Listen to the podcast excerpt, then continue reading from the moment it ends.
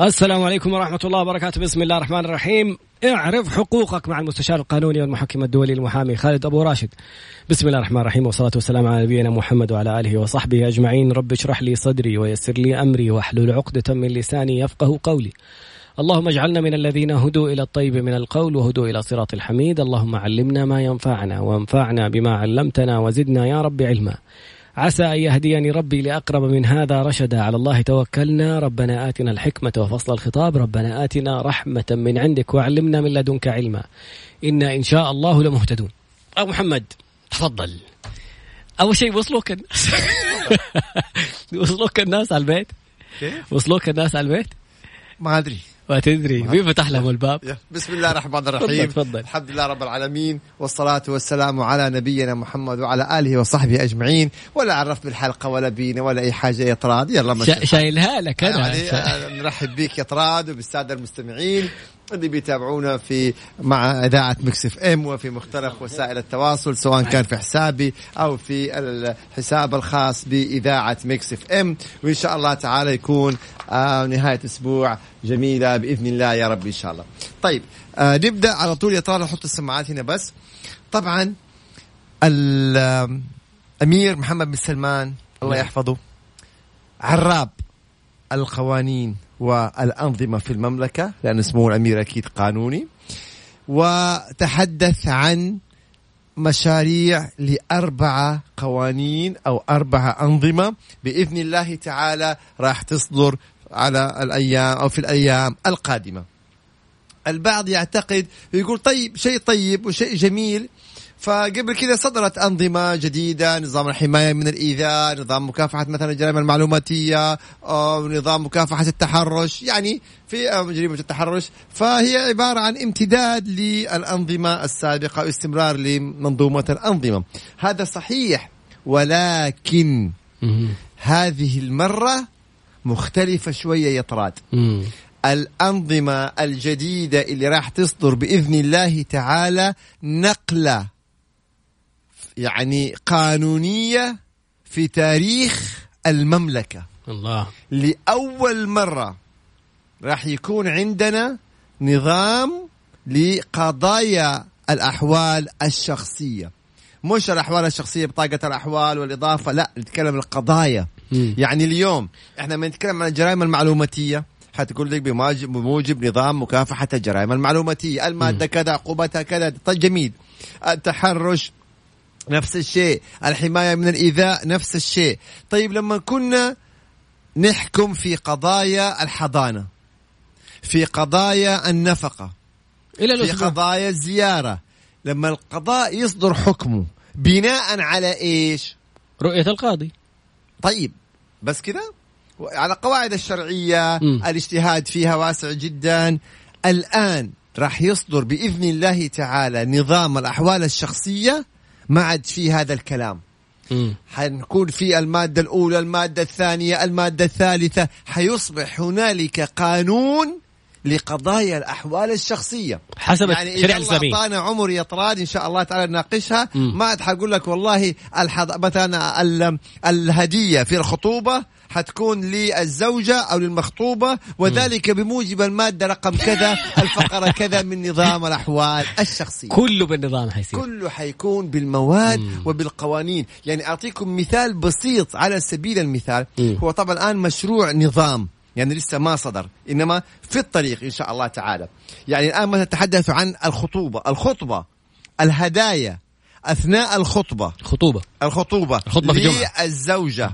عرفت كيف؟ أو للمخطوبة. مم. وإذا صار بعد كده مثلا لا سمح الله إنهاء لهذه الخطبة. آم، من حق مين؟ هل هي من حق الزوج يستردها؟ ولا هي من حق المخطوبة؟ متى يستردها الزوج؟ متى تكون حق للمخطوبة؟ متى تكون جزء من المهر؟ تخيلوا هذه الجزئية هنا يقولوا يا كثر الهدايا وقت الخطوبة. صحيح. ولما يصير خلاف في رجعي. المحاكم. رجعي الهدايا. يحق له ولا ما يحق له في النظام. أوه. محددة. متى يحق له متى ما يحق له المادة كذا تحق للمخطوبة. طبعا لن أتحدث في التفاصيل لأنه لسه هذا مشروع. مم. قد يكون هنالك ملاحظات قد يكون هنالك حتى في الخطوبة؟ المواد. من الخطوبة في هذه المواد والقوانين. ويعني نظام. آه. شامل. برافو عليكم. الحضانة لمين؟ وفيها أيوة. كان جدل كبير جدا لأنه كان فيها يعني نفس القضية نفس الت- التفاصيل تلاقي قاضي حكم. بشكل وحق قاضي النفقة الزيارة قضايا الأحوال الشخصية كلها حتكون يعني آه مقننة وفي قوانين وه يعني لذلك إحنا بنقول نقلة نقلة كبيرة جدا. هنا الشباب بيقول حسب نظر القاضي انتهت. برافو عليكم. معالي وزير العدل صرح شخصيا إنه المحاكم في المستقبل دورها حيكون تطبيق النظام. برافو الشباب هنا بيتابعوا معانا. أبو سند بيقول يصبح دور القاضي تطبيق النظام وليس الاجتهاد. برافو. ما راح يكون حكم الاجتهاد؟ أنا أتوقع مع صدور هذه القوانين والأنظمة حيحد كثير جدا جدا جدا من جزئية الاجتهاد. يعني قد يكون مثلا الاجتهاد في جزئية تقدير مصلحة الطفل. طبعا أكيد الاجتهاد راح يكون في جزئية النفقة تقديرية طبعا يعني ها في يعني في حدود في حدود آه، بندر الشهري التنبؤ بالأحكام برافو عليك يا بندر مم. بموجب المواد هذه انت اليوم لما تيجي تقول لو واحد مثلا آه، سب شخص في تويتر مم. من الآن بقول لك العقوبة المادة الثالثة بنظام مكافحة الجرائم إلى المعلوماتيه. ال- تصل إلى 500 ألف ريال غرامة أو إلى سنة سجن أو احدى هاتين العقوبتين خلاص واضحة المسألة فلتخيل في قضايا الأحوال الشخصية حتكون المواد والقوانين والأنظمة واضحة تماما والقاضي ما أمامه إلا أنه هو يطبق هذا القانون وهذه المواد وهذه الأنظمة. واضحة. يعني اليوم النفقة طيب الحضانة عند مين؟ الزيارة الهدايا أثناء الخطبة الهدايا طيب أثناء الزواج المهر.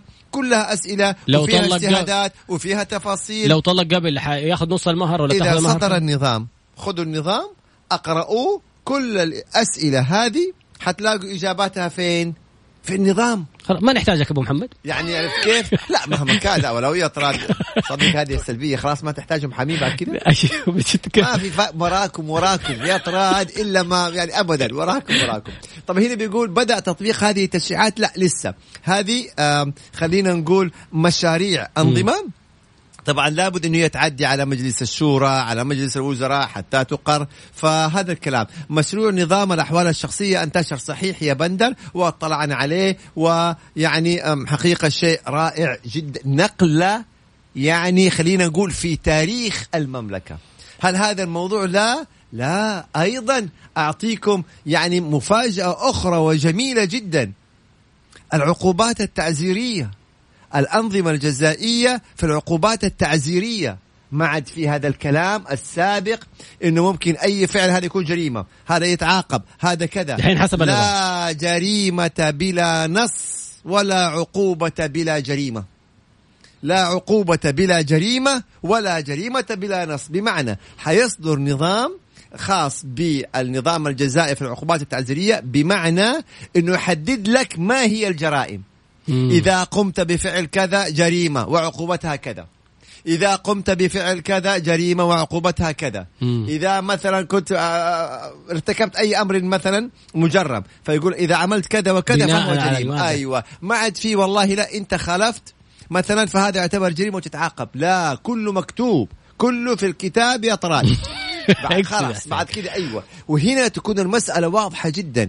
يعني ما حيكون في اجتهاد مثلا انه والله لا هذا الفعل مخالف هذا مو مخالف لا ليه يعتبر مخالف؟ لا ما يعتبر مخالف. القاضي يقرر. يوبخك ولا يسجنك. مع واحد زائد واحد يساوي اثنين. هنا يقول تقل بذلك الاجتهاد في العقاب. يا سلام والله تفاعل رائع جدا من المتابعين. فاللي بيحصل إنه كالآتي حيكون في قانون ال- النظام الجزائري للعقوبات التعزيريه ما هي الجرائم؟ واحد إذا قمت بكذا. اثنين إذا قمت بكذا. ثلاثة إذا قام بكذا. أربعة إذا كان بكذا. والعقوبات.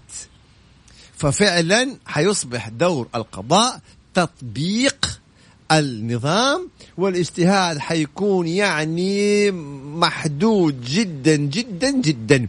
كل الأسئلة نأخذها بأمر الله تعالى. والله محبتكم على رأسي. الله يحفظكم جميعا يا رب. فهذه القوانين اليوم يعني فعلا لما نقول نقلة فهي نقلة. أيضا واحد كاتب خايف يطلع نظام للخلفة كمان يقول لك تعدد كذا يعني هي توصيات طبعا يعني تنظيم ما, ما يمنع. لسه إحنا انتهينا يا طراد. لا ما انتهينا في الفقرة شوفوا القادمة. النظام الثالث. اللي هي أربع أنظمة. في الفقرة القادمة؟ إن شاء الله. الفقرة القادمة يعني نحن نخاف إحنا الفقرة القادمة. بعد قليل إن شاء الله. بتحددني أنت بالفقرة القادمة ولا الفقرة القادمة؟ يلا. يعني اللي يدخل في قضية حيعرف الحكم عليه قبل ما تنتهي. طيب. برافو عليه. برافو عليه. عنان. واضحة إنه خلاص يا عنان. هذه مخالفتها عقوبتها تصل إلى كذا واحد زائد واحد يساوي اثنين. انتهى الموضوع. وفقك الله. بعد قليل. يلا.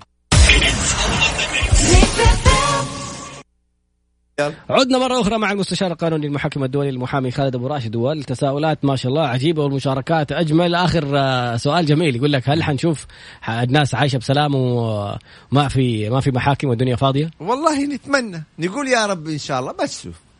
هذه سنة الحياة الدنيا. مم. تمام؟ طبيعي حيظل الخلاف حيظل القضاء هذه سنة الحياة. إن شاء الله تخف أكيد نتمناها تقل نتمناها كذا إنما واقعيا مم. يعني هذه سنة الحياة يعني. أرسل رسالة. ما نشتغل يعني أنت تبغى المحكم فاضي إحنا ما نشتغل يعني ولا يعني في بيوتنا. لا صحيح والله. طيب. القضاء من من أيام النبي عليه الصلاة والسلام. صحيح، هذا صحيح. صفر خمسة أربعة ثمانية وثمانين واحد واحد سبعمية. صفر خمسة أربعة ثمانية وثمانين واحد واحد سبعمية. أرسل رسالتك آه، في- وفي سؤالك. أرسل رسالتك في سؤالك طيب عدت هذه أبو محمد تفضل قلت في طيب. مادة ثالثة نأتي النظام الثالث كثير جدا يا طراد كنا نتحدث ونناقش ما هي الأدلة كثير جدا يا طراد تجينا أسئلة طب هل هذا يعتبر دليل هل الإيميل دليل هل صورة الواتس مم. دليل؟ هل التسجيل دليل؟ أيوه. هل تسجيل المكالمة دليل؟ طب إيش اللي يعتبر دليل؟ هل هذا إثبات؟ هل وكان في نقاش كثير جدا حيكون أيضا في نظام ثالث أو قانون ثالث وهو نظام الإثبات. ما هو الذي يعتبر دليلا؟ وما هي الإجراءات أو الخطوات التي تعتبر دليل؟ وما الذي لا يعتبر دليل؟ وهذه أيضا نقلة كبيرة جدا وتقضي على الجدل. وعلى التساؤلات الكثيرة اللي كان يقول يا أخي هل الواتس دليل؟ هل الانستغرام دليل؟ طيب الإيميل؟ طيب صورة المستند وليس. أصلا المستند؟ طيب التسجيل الصوتي؟ طيب الكاميرات الفيديو؟ يعني طيب أنا كيف حقي أثبته؟ فكان نقاش على. مر السنين يعني. اليوم بصدور نظام ثالث أو القانون الثالث وهو نظام الإثبات حيوضح لنا بالكامل خلاص هذا يعتبر دليل أو هذا لا يعتبر. بدليل. انتهى الموضوع. عندنا أيضا النظام الرابع أو القانون الرابع وهو نظام خلينا نقول المعاملات المدنية. كيف يعني؟ طب قضايا الإيجار. لما يصدر القاضي حكمه بناء على إيش؟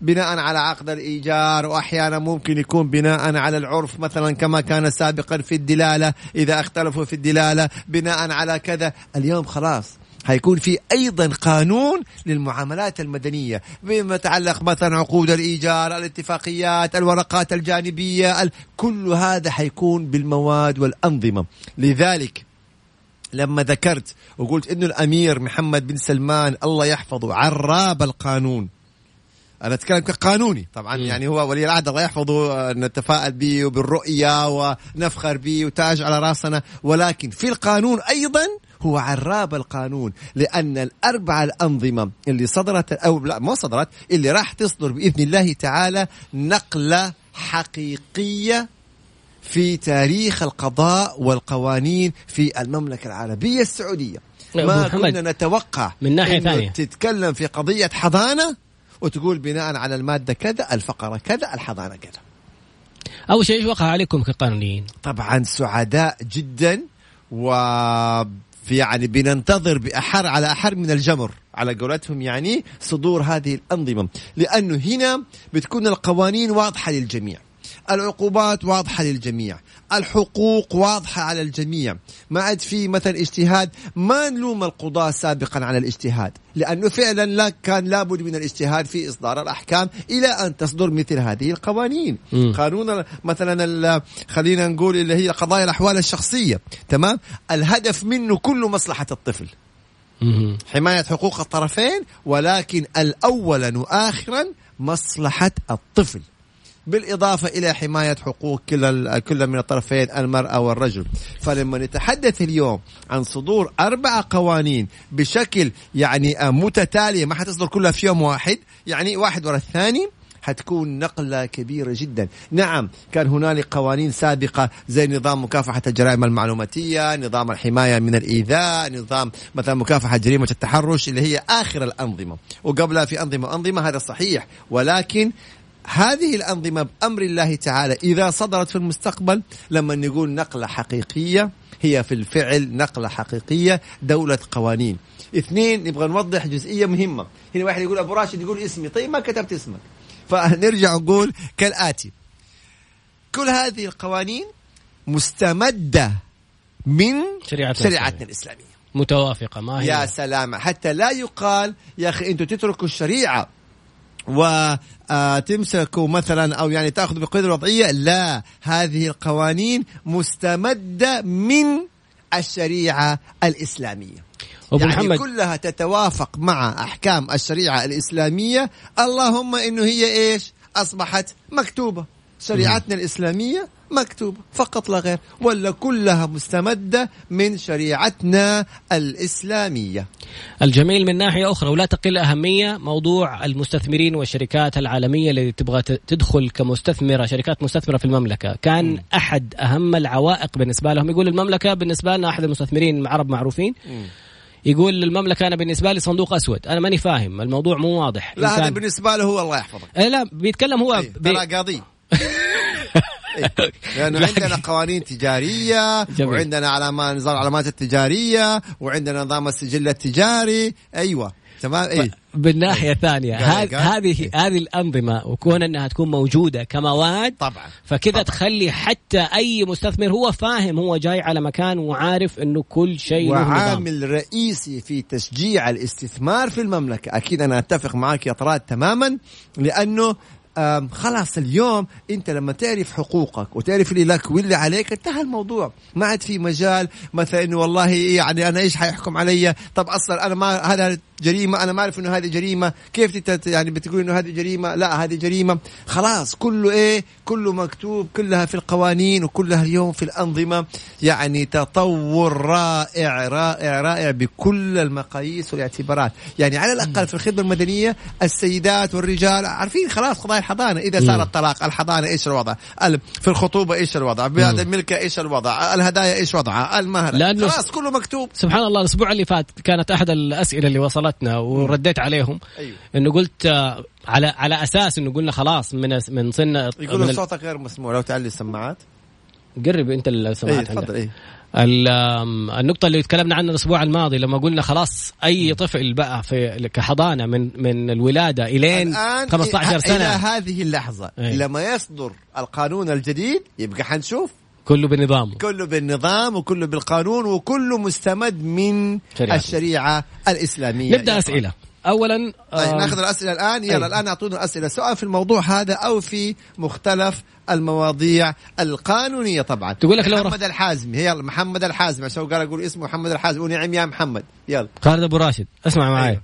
طيب لو رفعت قضية على أحد أو قضية تحرش هل تظهر في أبشر؟ هي خايفة إنه كفتاة تشتكي ويظهر إنه في في, في السيستم عندها في أبشر إنه هي رافعة قضية ولا يبان عندها شيء. لا. ما والله ما راح أفتيك في هذه الجزئية. هذه تتعلق بنظام أبشر. إذا كان رفعت القضية هل يبان في أبشر الخاص فيها إنه هي رافعة قضية؟ هذه والله نسأل عنها. أنا اللي اعرف إنها تدخل على وزارة العدل على التطبيق حق وزارة العدل عن أي. طريق ال- ال- النفاذ ال- الموحد مم. وقتها تبان قضاياها إذا دخل بس مو في كذا أبشر. ما يعني نعم عشان كذا طيب، طيب سؤال- بيقول نعم تظهر في ناجز يا أستاذ خالد. ناجز إيوه مو حق مو في في أبشر. ناجز. أيوه أيوه مو في برافو تطبيق. عليكم. هذا التفاعل أبشر ما له علاقة. يا تراد أبشر ما له علاقة؟ أنا قايل لك إيش؟ أبشر ما له علاقة يا تراد جزاكم الله خير يا شباب. بارك الله فيكم. بيلبسني الموضوع كأني أنا السلام عليكم. إحنا بيقولوا حتى دعاء نصار بتقول لا ما تظهر شكرا يا دعاء. هنا يقول لك ثامر آه قربي. بيقول بس في ناجز. الله يهديك يا طراد. خلاص واضحة الإجابة. بارك الله فيكم يا شباب. هذا الكلام. والله بيض الله وجهكم. ما شاء الله ال- الكل متشارك في في تقديم الإجابة. هنا يقول لك إحنا ورثة وبيننا قاصر طيب متلازم معليش بس سؤال. حتنفذ الأنظمة الجديدة على القضايا القديمة؟ والله سؤال جميل. هذا سؤال جميل جدا. يعني اليوم إذا صدر آه آه هذا القانون. طيب الناس اللي صدرت لها أحكام في السابق خلاص. يعني لا توجد قوانين بأثر رجعي. القوانين اعتبارا من تاريخ صدورها وتاريخ تفعيلها. لأنه إذا افترضنا أنه كان فعل في السابق مثلا خلينا نقول مجرم. ثم أو العكس مثلا كان فعل مو مجرم. اليوم أصبح صدر قانون وقال إنه هذا الأمر مجرم. حيمسكوا الناس اللي من أول ويعاقبوهم لا. العبرة من تاريخ صدور القانون وما بعده. العبرة من تاريخ صدور القانون وما بعده. لا, لا يعني لا تصدر القوانين بأثر رجعي إلا إذا نص في ذلك. أو على ذلك. وهذا أمر يعني نادر جدا جدا طب على جداً. كذا طب يعني الشباب يقولوا اللي فات مات. يا سلام عليكم. باستثناء. انتبهوا. الجرائم الجنائية. ما تيجي تعتدي على شخص ولا تضرب شخص ولا تغتصب ولا ت... ولا تقتل عياذ بالله ولا كذا وتقول خلاص اللي فات مات الجديد. لا لا المجرم مجرم نعم. اولا يقولوا لك متوتر شوية عشان اليوم؟ مين المتوتر؟ عشان المباراة. ها مباراة أهل الاتحاد؟ آه، يعني اليوم. شوف طبعا أكيد هي مباراة جميلة مباراة حتكون ممتعة ب- بإذن الله تعالى ويعني حريصين إن نشوفها. الأهلاوي يبغى الأهلي يفوز والاتحاد يبغى الاتحاد يفوز. نتابع وما يمنع يعني يا شباب لو أحد الفريقين فاز على الثاني يعني شوية طقطقة كده ما يمنع يعني طقطقة على خفيف. هذا وهذا حلو يا طيب. ركزوا في السؤال القادم. يلا. إحنا ورثه وبيننا قاصر متلازم داون. وتم تقسيم آه، تقسيم أراضي زراعية بين الورثة بالتراضي واستلم كل واحد حقه. وتصرف بها. وبعدها اعترض واحد من الورثة ويريد أن يلغي قسمة التراضي فما الحكم؟ طبعا بالنسبة وبحضور وموافقة ولي القاصر ونصيبها يعني مع الولي. خلينا نتحدث. القاصر لابد يكون له ولي. هذا رقم واحد. اثنين أي شيء يتعلق ببيع العقارات أو تقسيمها أو توزيعها في حال وجود قاصر. لابد عن طريق القاضي. القاضي. لابد عن حتى لو طريق في القضاء. و- ولي عن- وجود الولي والموافقة تكون عن طريق القضاء أوه. لحماية أموال هذا القاصر. الولي على عيني وراسي. ولكن يعني الناس تختلف. قد يكون هذا الولي يعني ها ما هو بتلك الأمانة أو مفرط أو, أو, أو جاهل شوية أو لا يفقه في هذا الجزء يعني. ولكن لما يكون من خلال موافقة القضاء يبقى القضاء بيكون هو إيه آه يعني حريص جدا على مصلحة الطفل والقاصر ويراعي هذا الأمر ويتحقق من سعر البيع. وهل هو مماثل في السوق؟ لأن هذه أموال القاصر. هذا هو. والله معلومة آه، تمام. والله. هنا- طب هذول يعني الحين ير- يروحوا للقضاء مرة ثانية يرجعوا على موضوع لا عش إذا فيها إفراغات ما تتم إلا بالرجوع إلى القضاء أو يقر هذا الأمر طيب هنا الأسئلة جميلة جدا لو أهلي أجبروني أتنازل عن ورثي وأنا ما أبغى إيش أعمل في هالحالة؟ في هالحالة ترفض تماما إنك تتنازل عن نصيبك في الإرث وتتمسك فيه وإذا ما أعطوك نصيبك في الإرث القضاء بأمر الله تعالى كفيل بأنه هو يعطيك إرثك. هنا يقول الله يعز الحكومة. آمين آمين آمين. والله إحنا في نعمة. اللي أي يبغى. يقول أنت تجامل أنت تطبل نعم أجامل وأطبل لولدي لولدي ووطني وحكومتنا وولاة أمرنا. اللي بنعيش بفضل من الله عز وجل قياسا باللي بتشوفوه في العالم إحنا في نعمة كبيرة. اي والله. الله يوفقهم وينصرهم ويسدد خطاهم بأمر الله تعالى. والله وال- نعم إحنا والمشاريع. في دولة قانون وحماية للشعب وحتى القاصر قضاءنا وشريعتنا يا سلام عليكم بيحمي شوف حتى القاصر كيف القضاء يراعي أمواله وحقوقه يعني هذا فضل كبير من الله عز وجل. أبو محمد، أنا مق- أحسنت أنا أكبر مطبل وأفتخر الوطن يستحق برافو كفو عليكم هذا الكلام. أعطيك مثال بس بسيط على موضوع اللي يقول لك تطبل وما تطبل أي. أنا مقدم على جامعة أسبانية بس اللي فيها آه، إيش يسموها المدن الذكية. أرسلت لهم الموقع حق نيوم. مم. اتصلت علي ممثلة الجامعة تقول إيش ده؟ هذا حقيقة عندكم في السعودية حيصير؟ الناس ما هي مصدقة والمشاريع لسه البحر الأحمر اللي سايرة. من فضل الله يعني إحنا نقطة الع... مركز العالم القادم بإذن الله. لما كان معنا وكيل وزارة العدل في اللقاء أليس إجراءات إفراغ العقارات تعتبر رقم واحد على مستوى في العالم؟ العالم، في فضل الله. العالم. اليوم أنت جالس على اللابتوب ولا على الجوال تبيع وتشتري. تفرغ. تفرغ. عقارات على الجوال. ابشر ضغطت الزر اتبعت البيع وانت جالس بيتك. والقضايا أونلاين والدنيا يعني كلها أونلاين والقضايا. أونلاين وخلاف وخلاف. نعم نفخر ونتكلم عن هذا الأمر. سؤال ماذا جدا. عن القضايا القائمة الآن؟ القضايا القائمة الآن على ما هي عليه. تطبق القوانين الحالية القواعد الشرعية والقواعد الفقهية إلى أن تصدر القوانين الجديدة بأمر الله تعالى أستاذ خالد إيش حكم التخبيب ويا ريت حلقة تخص التخبيب في الفقرة ما القادمة إن شاء حلقة الله. تخص التخبيب تبغى الفقرة الثانية نتكلم عن. التخبيب بشكل سريع جدا الشيب زادك وسامة أيوة هذا الكلام الله يبارك فيكم سبحان هذا كلام الله. قانوني سبحان كلام الله. قانوني دقيق بارك الله الأسبوع فيك. اللي فات جلست تقول علي كيف؟ ما أتذكر. ما تتذكر؟ لا. بس هم هذه- قالوا هذه علي آثار. قالوا علي أنا. آثار الشيب الآن بدأت. تظهر. بعد قليل إن شاء الله نتابع. وين هذا؟ أي.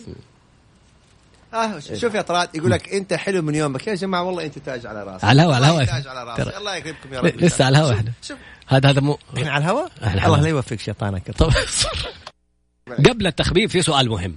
طيب طيب. يعني طيب تفضل يا أستاذ أي. من حقك أي، أنت اليوم. عازمنا على الغداء وأنا إلى الآن ماني مصدق إلى الآن أنا في ذهول استنى استنى إيه. أرجع بس بحط على وعشان لا يقول لي إيه، لما نحاسب أنا في ذهول يا أخوان تراد اليوم أبلغني إنه عازمني على خروف شواية إلى هذه اللحظة أنا في ذهول اسمه بين السيخ. مصدق؟ وغير مصدق حتى عصي مو- عارف ينطق اسمه حتى. تراد يعزمني على خروف الله يرحمه. أيوه. أيوه واضح إنه. يعني كان في شهود الزمن والان بيتغير. إيه الحمد لله. طيب. بس عشان لا لسه حصور وحنزلها في تويتر ومنشنك. أصبر يلا. آه، أنا بشتغل كابتن في أحد التطبيقات للتوصيل وشهدت قضية تعنيف زوج لزوجته وعيالها هل إذا اشتكيت يعتبر تدخل في شؤونهم؟ ابدا. بل يجب عليك أن تشتكي بموجب النظام وتقديمك للشكوى قد يكون فيها حماية للشخص المعنف. وربما كله بأمر الله الناس اللي تضرروا والناس اللي توفوا من التعنيف لو كان هنالك بلاغ مسبق. كان ممكن تكون في حماية لهؤلاء الناس. ولكن أمر الله عز وجل اللي حصل فبالعكس يجب عليك إنك أنت إيش؟ يعني آه تبلغ في مثل هذه الحالات. هل ممكن يقاضوني؟ يقول لك لو اشتكيت عليهم نهائيا بالعكس بموجب نظام مكافحة التحرش آه، أيضا نظام الحماية من الإيذاء إن صح التعبير أيضا. فيجب على كل من يشاهد حالة إيذاء أن يبلغ. ما في حاجة اسمها يقاضيك أبدا أبدا. هنا بيقول طيب إذا اشتكيت وطلع الموضوع غلط ما فيها شيء.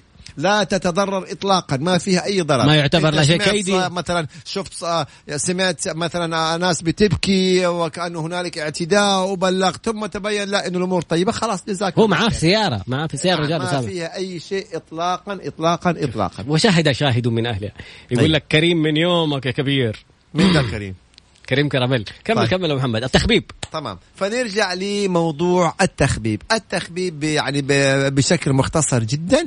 إذا كان آه، شخص ما آه، يحرض أحد الزوجين على الطلاق اللي يحرض أحد الزوجين على الطلاق هذا مخبب. والعقوبة بتكون تعزيرية والتعزير الآن أصبح سجن أو غرامة أو إيه ما في. كلاهما ما عاد في جلد. الجلد أصبح فقط لا غير في الحدود اللي هو حد الزنا مثلا لغير لغير المحصن مثلا شرب الخمر كذا. يعني في الحدود فقط لا غير.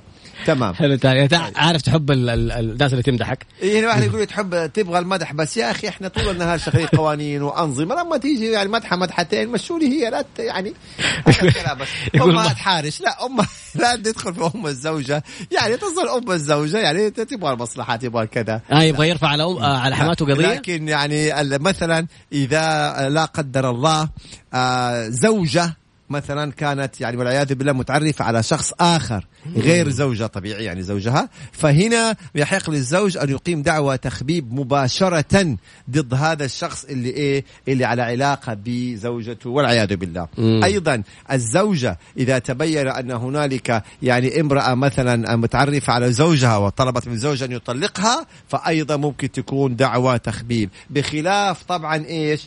ال- هنا يقول والله العظيم تحارش. معلش طول بالك. أم زوجتك طول بالك. فطبعا هنا بخلاف العلاقة الغير مشروعة. طب السؤال حقيقي أبو محمد إذا إذا الحماة بتحرش ولدها ولا بنتها على على على يعني شوف تنفصل؟ كلمة تحرش هنا شوف الوالدين يعني ما نعرف إيش الأسباب. هنا في فرق. إذا كان في آه، مثلا قصور من الزوج نفسه إذا في مشاكل هذه الأمور غالبا يعني الأب الزوج أب الزوجة أو أم ال- الزوجة أو أبو الزوج أو أم الزوجة بس التخبيب بتكون غير واردة إلى حد كبير جدا يعني. وفي الأصدقاء في كذا يعني غير إن شاء الله. تعليقين جميلين. ما شاء الله وهنا في تبارك نسرين قطان من المدينة. المنورة. أخت نسرين قطان بتهديك التحية وتهدينا التحية. أستاذة فاضلة أستاذة نسرين. بالعكس. إحنا سعداء معاكي وبالتعاون في دورات سابقة. الله يوفقكم يا رب إن شاء الله. أهلا وسهلا. آه، من من عائلة كريمة. ما شاء الله تبارك الله أنتم أحلى. جوز ولوز اثنين.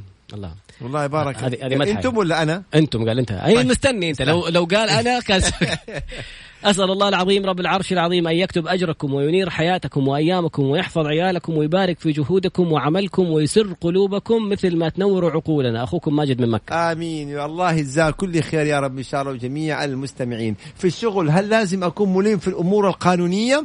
يعني خلينا نقول على الأقل تكون في ثقافة قانونية. تكون في ثقافة قانونية. إلا إذا كان المسألة فيها قرارات وتمس حقوق الآخرين لا طبعا.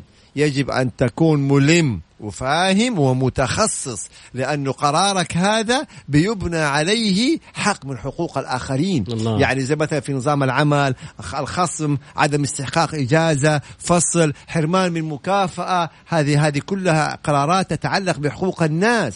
فإما أنك تكون ملم ومتخصص وفاهم أو أحيلة إلى المختص. لا تفتي في حقوق العباد وفي حقوق الناس بالخطأ أو أنت ما تعرف أنت هنا أنت هنا ممكن ينطبق عليك قول النبي عليه الصلاة والسلام قاضي في الجنة وقاضيان في النار مو بس القضاة في المحاكم. لا لا اطلاقا. أنت كل من. يقضي في حقوق الناس ينطبق عليه هذا الحكم. فلا تقضي في حقوق الناس وإنت ما تعرف. تقول والله طب ما كنت أدري. لا انتبهوا تماما. هذه مساله خطيره طب في ما سؤال- انت متأكد؟ حول على المختص. جميل. خلي الفتوى تصير منه هو. هذا السؤال يشترك فيه حاجتين. أيوة. ال- الإفتاء فيما لا تعلم والمخالفة وممكن يوصل لتخبيب.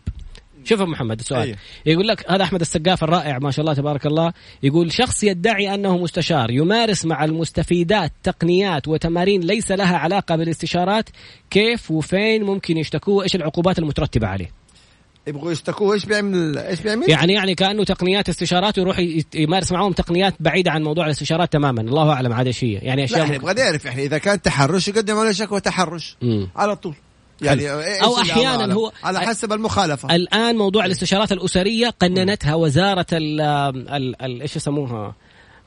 نسيت اسمها والله حقت شيء يختص لازم يكون لوزارة معينة تعطي تراخيص للاستشارات الأسرية. لا. الاجتماعية؟ أتوقع. مم. لأنه الآن آه، كان في قضايا ترفع على أشخاص يمارسوا الاستشارات الأسرية بدون ترخيص وترفع عليهم قضايا تخبيب لأنه يفرق بين الناس. هذا كلام سليم. طيب أيضا البعض يقول طب هذه الأنظمة ممكن تحدث؟ نعم. وبتحدث نظام العمل على سبيل المثال كم مرة تم تحديثه؟ نظام الشركات كم مرة تم تحديثه؟ فدائما الأنظمة تحدث. أنت اليوم تصدر قانون أو نظام وبعد تطبيق هذا النظام على مر السنين يعني بتكون في أكيد ملاحظات معينة آه، تطور معين يحصل فتصدر نظام آخر جديد أو تطور هذا النظام. بالعكس هذا أمر جميل جدا وجميع هذه الأنظمة في ظل شريعتنا الإسلامية يعني ما تخالف الشريعة الإسلامية. تفضل أستاذ طلال الأسئلة عندك. رجل يقول لك أنا ممكن يكون على خلاف مع زوجته عندنا طفل عمره خمس سنوات أنا اللي اكل أنا اللي أشرب أنا اللي أغير أنا مهتم بكل شيء وهي مهملة. مم. هل ينطبق أيضا موضوع إنه عشان عمره خمس سنوات لازم يروح لأمه وهي بهذا الإهمال؟ إحنا هنا دائما نقول إنه الأصل في الحضانة في هذه الحالة عند الأم إلا إذا ثبت عدم صلاحيتها للحضانة أو أن هنالك ضرر على الطفل. فإذا هي طالبت بالحضانة أنت توضح لفضيلة القاضي يعني هذا الإهمال وتحاول تثبته وهنا القرار يعود لفضيلة القاضي. يعني الأصل أن الحضانة عند الأم. إلا أن- إن ثبت أن فيه ضرر على الطفل. أهو مم. ضرر على الطفل أنت تثبته. مم. أنت تثبته. لذلك نرجع نقول إنه حاولوا قدر الإمكان.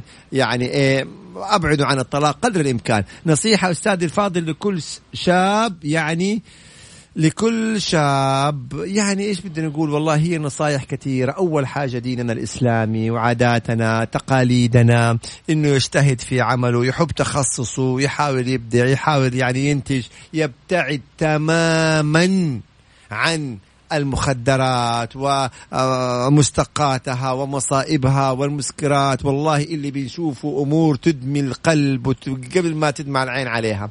ف والله يوفقكم يا رب إن شاء الله جميعا. نصائح كثيرة يعني. اللي سأل عن موضوع الطفل يقول أسأل الله أن يسخر لكم الطيبين من خلقه لأنه حقيقي بتنورونا بعد الله كثير. هذا الله يحفظهم إن شاء الله. ودائما يقول الطلاق يعني كثير مشاكله كثيرة وتستمر ممكن حتى مدى الحياة إذا فيها حضانة فنحاول نخليه آخر آخر قرار. هل سوف يتعدى نظام التنفيذ في التشريعات الجديدة بعد تحديثه؟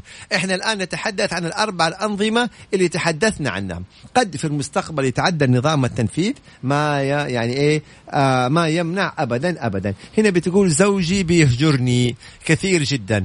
طيب هنا إحنا نرجع نقول إنه إذا بينكم أطفال حاولوا قدر الإمكان إنه يعني تتكلمي معه ما في فائدة مثلا تدخلي الأقارب ليتقبلهم. يعني إذا كان والده والدته أخواته كذا. يعني لأنه في أطفال بينكم. يعني شوية شوية. نعم. بعدين است- لك ودمعتي على خدي حسبي الله. الله يرفع عنك إن شاء الله ويسر الأمور. بأمر الله تعالى يا رب. قانونيا كم عدد أيام الزيارة للأب؟ لسه. لسه ما صدر القانون. وبالتالي ما قضايا الزيارة يتم إيه؟ اجتهادات من القاضي. آه، اجتهادات من فضيلة القاضي على حسب إيش يعني ظروف كلا الطرفين. أستاذ خالد عندي شكوى ضد شخص وفي رسالة مثبتة على الواتساب مقر فيها بفلوسي. لما جيت أقدم عليه شكوى انطلب مني رقم هويته كيف أجيبها؟ والله ما أعرف. يعني أنت تعاملت مع هذا الشخص حاول تجيب رقم هويته. هو ما ما يعرف الشخص هذا إطلاقا وبالتالي. إلا يعني يمكن يعني مثلا أنا وأنت نعرف رقم هويتك لو بيني وبينك تعاملات. عاد هذا صحيح. هنا لابد لابد. عشان يجي له التبليغ على ها ها رقم الهاتف اللي في أبشر. مم. فيحاول. نعم. يحاول. هذا الكلام. طيب توقعاتك المستقبلية لمحاكمنا بتكون مرئية؟ السؤال ذا يهمني. طب الآن الآن إحنا القضايا عندنا عن بعد وبعض القضايا بتكون حضورية. الآن الكثير من القضايا هي قضايا عن بعد وبعض القضايا بتكون حضورية. هذا الآن موجود يعني مو حتى في المستقبل الآن موجود وعملت حقيقة نجاح وعملت نتائج إيجابية كبيرة جدا. سؤال جميل يقول لك في القانون الفرنسي والمصري إذا صدر قانون جديد آه، لمصلحة المتهم المحامي ممكن يطلب الاستفادة من النظام الجديد. يعني مثلا لو لو أم خلاص طلع قانون إنه والله من سن كذا إلى سن كذا الأطفال الحضانه عند الأم. ترجع تقول والله أنتم حطيتوا يعني هنا جميل جدا. يبقى هنا القضية معناها قد تكون لا زالت مستمرة أو العقوبة مستمرة وبالتالي ممكن إنه إحنا نتمسك بقوانين الجديدة دي حاجة لسه مستقبلية حنشوفها في المستقبل. إشار آه، طراد بالشرلي إعلانات إعلانات. يلا. بس آخر تعليق قبل الإعلانات يقول لك متابعكم منذ سنوات. والله حسيت جميل مرة. هذا جميل جدا. أحلى برنامج وأحلى. ثنائي. أحبكم في الله حفظكم الله أينما كنت. أخوكم محمد العمودي من الخبر. والله نعم. يا طراد البعض يقول أنتوا تحبوا المديح. لا هي مو مسألة تحب المديح إنه الكلمة الطيبة شفت عناء التعب هذا كله والإعداد للحلقة والتجهيزها وكذا. يعني هذه بعد الحلقة. هي اللي بتثلج الصدر أيوة. وبتحمسك وبتديك دافع أكثر. بس هي الكلمة الطيبة ما نبغى أكثر من كذا سؤال قبل الفاصل. دوبك تقول إعلانات طب ولا أخي- فيها واسطة؟ أيوه طبعا واسطة. إيه. عندي على الحساب. عارفك. هل يحق لي رفع دعوة على بنك في حال يت... في حال لم يتم الإنصاف من مؤسسة النقد؟ فين يرفع عليهم طيب؟ لا هو أنت اليوم إذا اختلفت مع البنك فترفع إلى مؤسسة النقد اللي الآن أصبح هي البنك, البنك المركزي. المركزي. نعم هي المرجعية في هذه الأمر. بعد قليل إن شاء الله استمع واستمتع. حالي النعم بالجميع إيه، ترضى تتكلم مع متابعينك في موضوع الكورة لما تطلع على فجاه الراديو كذا تدخل فجأة أنت كذا أيوه في الراديو كل ما حد سألك عن تستأذنوا. كوره تقول لي ما ما, ما نبغى نفتح المجال وما نبغى. طيب. طيب. بس لا استيعاب اطراد العربون.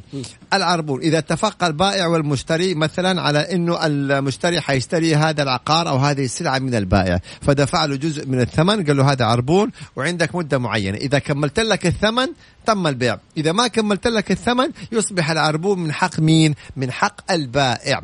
طيب إذا المشتري بطل قال هونت رجع لي العربون؟ لا. لا يحق للمشتري إنه يسترد العربون. إذا كان سبب عدم إكمال البيع يعود للمشتري. إذا اتفقت إذا البائع وافق ورجع له العربون الحمد لله رب العالمين. إذا البائع قال له لا مو من حقك. أنت اديتني عربون تجي أنت ترجع ثاني يوم وتبطل يبقى العربون حق للبائع. هذا باختصار شديد فيما يتعلق بالعربون. ريما العتيبي. هل البنت إذا بلغت 18 سنة ترجع حضانتها إلى والدها؟ لا. البنت إذا بلغت 15 سنة تخير وهي تسمى دعوة ضم. إما وتختار إن, طل... إن اختارت والدتها فهي مع والدتها وإن اختارت والدها فهي مع والدها. أما إذا بلغت 18 سنة فلا حضانة عليها. خلاص مم. أصبحت بالغ. تعيش مع مين؟ مع الوالد أو أحد الوالدين. هي تقرر. حابة تعيش مع؟ من ال 15 هي خلاص تخيل يعني في هذه المسألة. ريم العتيبي تقول إذا هل صدرت هذه القوانين وإذا صدرت فين ممكن أطلع عليها؟ إلى الآن ما صدرت. مم. أما إذا صدرت اليوم خلاص في جوجل. نظام مكافحة الجرائم المعلوماتية حتلاقيه موجود. نظام مكافحة التحرش موجود. نظام العمل موجود. نظام الشركات. أدخل على جوجل على طول. بس إلى الآن لسه هذه القوانين والانظمه لم تصدر حتى هذه اللحظة. إن شاء الله تعالى إنها في الطريق بإذن الله تعالى. والله سؤال جميل. يقول لك ملاحظ هنا بيقول تم إلغاء دعوى الضم. هذه والله يبغى لنا نتحقق من هذا الأمر إذا كان تم إلغاء هذه الدعوة أم لا. نتحقق منها. الله يصلح بناتنا وبنات المسلمين. آمين يا رب. هل بالإمكان مقاضاة اللي ينشر رقمك في مواقع التواصل الاجتماعي ومواقع البيع والشراء بغرض إزعاجك وأذيتك؟ طبعا.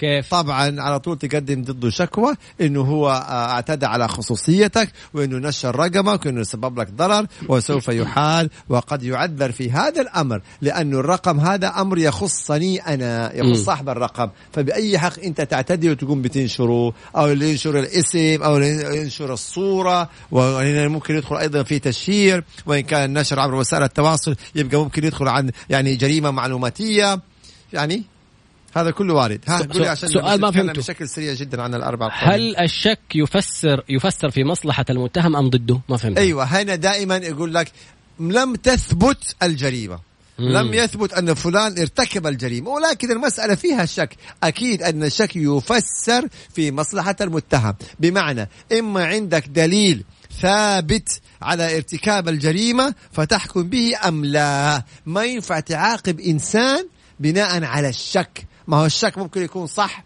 وممكن يكون خطأ. تخيل تعاقب إنسان لأنك شكيت وطلع شكك في غير محله. وإنت وان كذا بعد الظن إثم. مم. فلذلك إما أن يكون يعني بدليل ثابت قطعي أو لا. لذلك تسمى الشك آه، يفسر في مصلحة المتهم.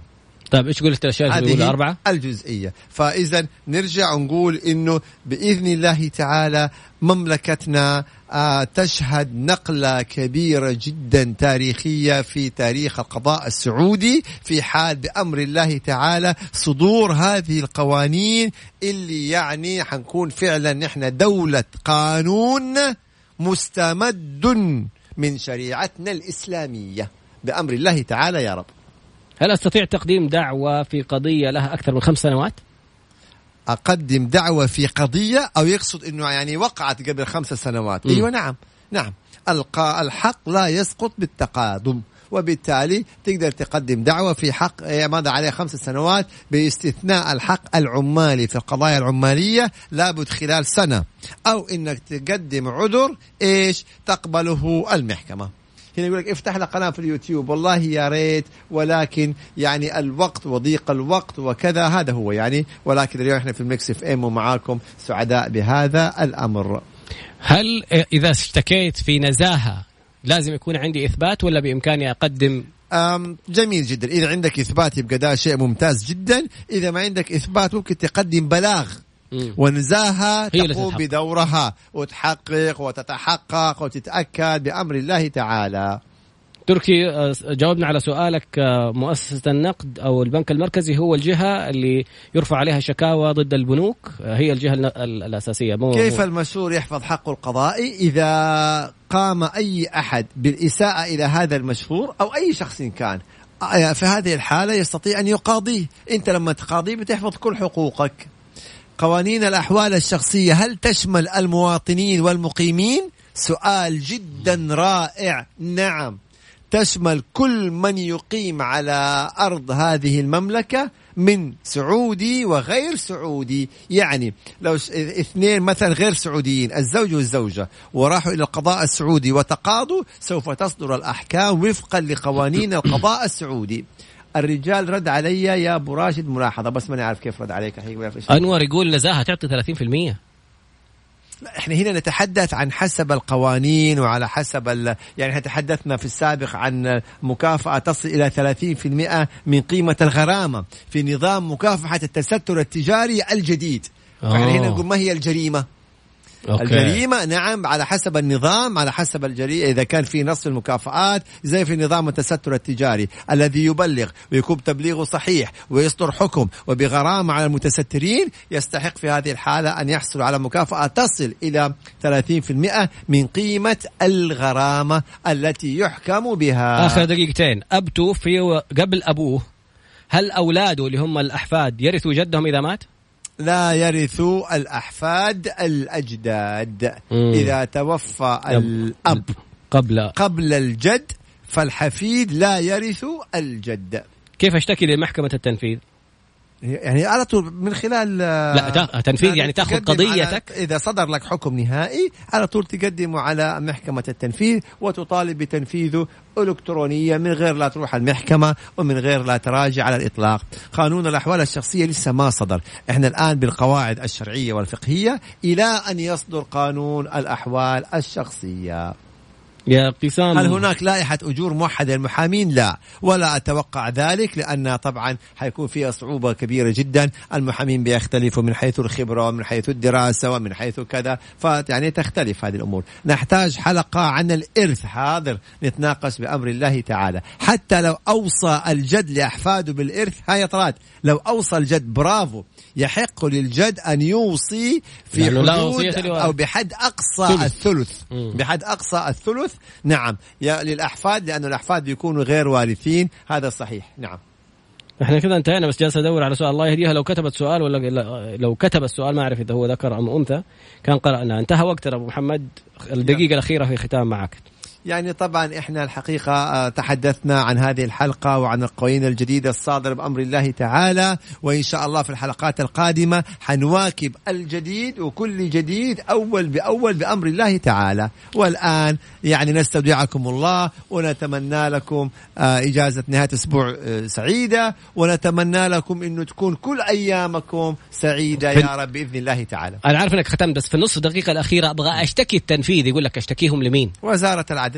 وزارة محكمة العدل التنفيذ تتبع وزارة العدل التفتيش. فإذا وجدت قصور يعني في بعض الإجراءات عندك وزارة العدل وزير العدل على طول التفتيش والله القضائي. لو تشوف يا طراد التفاعل والترحيب والتقدير يعني أقل ما نقول أنتم والله تاج على راسنا ونفخر بيكم وأنتم أساس البرنامج إيش نقول الله يوفقكم ويحفظكم ويسعدكم جميعا يا رب خلاص أشر لي طراد طيب. أشر لي. انتهينا اليوم إحنا اخوانا نمزح نطقطق نسوي نعمل أي حاجة اللي يفوز ألف مبروك واللي راحت عليه هارد لك وإن شاء الله نشوفكم في الليل هذا الكلام. تابعوا حساب أبو محمد وشوفوا شوفوا ال- الكلمات اللي حتطلع نهايه اليوم سواء كان فايزين ولا لا قدر الله. هذا الكلام. في أمان الله. سبحانك اللهم وبحمدك أشهد أن لا إله إلا أنت أستغفرك وأتوب إليك.